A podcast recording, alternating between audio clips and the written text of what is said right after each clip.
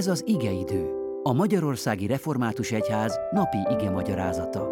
A mai bibliai ige szakaszról Pentaller Attillát, a Szarvasi Református Egyházközség lelkipásztorát hallják. Szeretettel köszöntöm Önöket, folytassuk az új szövetség olvasását a második Timóteusi levéllel. Ebből fogok idézni. Hálát adok Istennek, írja Pál apostol, akinek őseimhez hasonlóan tiszta lelkiismerettel szolgálok, amikor szüntelenül éjjel-nappal megemlékezem rólad könyörgéseimben, és könnyeire emlékezve látni kívállak, hogy öröm töltsön el. Eszembe jutott ugyanis a benned élő, képmutatás nélküli hit, amely először nagyanyádban, Louisban, és anyádban, Eunikében lakott, de meg vagyok győződve arról, hogy benned is megvan. Ezért emlékeztetlek téged, hogy éleszt fel magadban Isten kegyelmi ajándékának tüzét, amely kézrátételem által van benned, mert nem a félelem lelkét adta nekünk Isten, hanem az erő, a szeretet és a józanság lelkét. Hát kérdezhetik, hogy miért nehéz ez a mai szakasz, azért, mert, mert belátunk, belelátunk Timóteus lelkébe, testébe, az ő az a mérhetetlen terhébe, abba, hogy Timóteus Isten áldott gyermeke depressziós volt. Között a depressziójával annyira, hogy ez már, olvastunk róla, ráment a gyomrára, már a testi tünetekben is meglátszott. Között a depressziójával, és nagyon-nagyon sokat sírt nem tudta élni azt az életet teljesen felszabadultan, amire Krisztus megváltotta őket.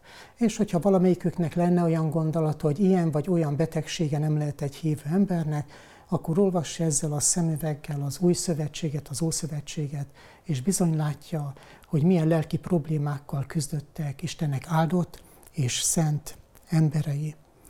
Gátolja Timóteust a, a depressziója abban, hogy a Krisztusi életet élje, és Pálapostól ott áll mellette, és, és olyan különös és olyan csodálatos, amiről beszél, hogy Timóteus benned egy képmutatás nélküli hit van. Te nem akarod másnak mutatni magadat, mint ami vagy.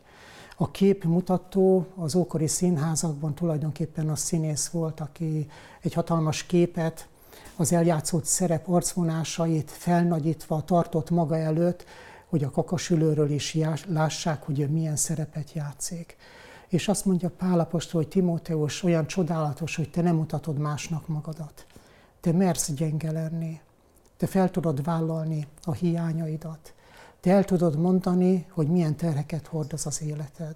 Te nem egy rendíthetetlen ólomkatonát élsz a gyülekezet elé, hanem önmagadat ahogy téged a betegségeddel, az esendőségeddel együtt hordoz, és megáld mérhetetlenül az Isten.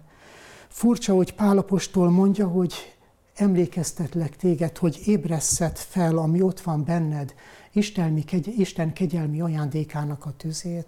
És lehet, hogy többen önök közül azt mondják, hogy önöknek biztos nincs lelki ajándékok, de hogyha a Szentlélek által élnek, ne feledjék el, hogy Istennek a lelke nem egy csóról élek, ő az Isten gazdagságával lépett be az életünkbe, az ajándékainak gazdag tárházával.